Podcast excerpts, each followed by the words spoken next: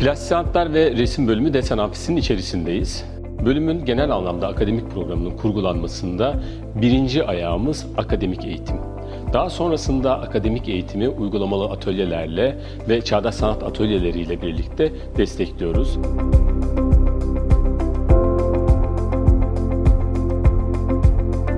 Özellikle birinci sınıf ve ikinci sınıftaki bu formatif eğitimimiz yani daha çok resmin temel nosyonlarının öğretildiği stüdyolardan bir tanesinin içerisindeyiz.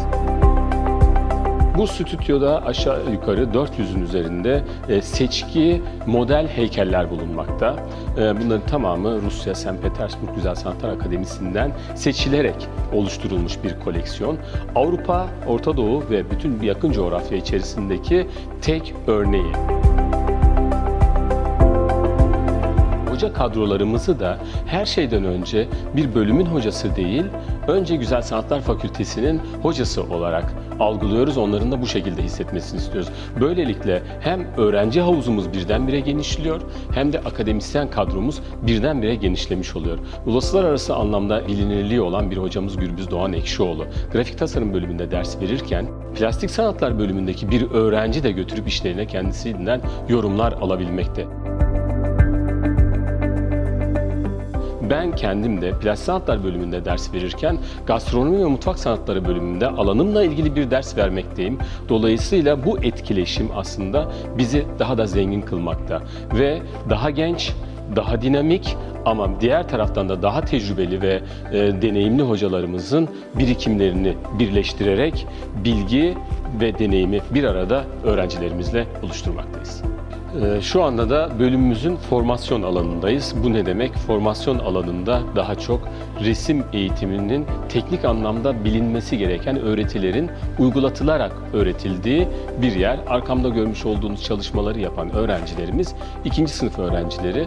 Ustaların çalışmalarından birebir kopyalar e, üzerinden, e, reprodüksiyonlar üzerinden sonuç odaklı değil, süreç odaklı boyayı nasıl kullanması gerektiği, paleti nasıl kullanması gerektiği konusunda e, akademik boya ve renk eğitimini tamamlıyor. Aynı zamanda temel sanat eğitimi atölyemizde bu alan içerisinde. Dolayısıyla programımızın 4 yıllık programımızın ilk 2 yıllık periyodu desen atölyemizde ve bu alan içerisinde geçmekte. 4 yıllık süre içerisinde öğrencinin e, bilişsel anlamdaki gelişimi de e, çağdaş sanatı üretme, düşünme, sanatçı gibi düşünebilme ve üretebilme kabiliyetleri ancak olgunlaşmış oluyor ve 3. sınıfın bahar dönemi itibariyle öğrencilerimiz artık formasyon alanından çıkıp çağdaş sanat atölyelerindeki proje stüdyolarında çalışmalarına devam ediyorlar. Bölümümüzden mezun olan öğrenciler her şeyden önce ressamca bir tavır gösterebilmeliler.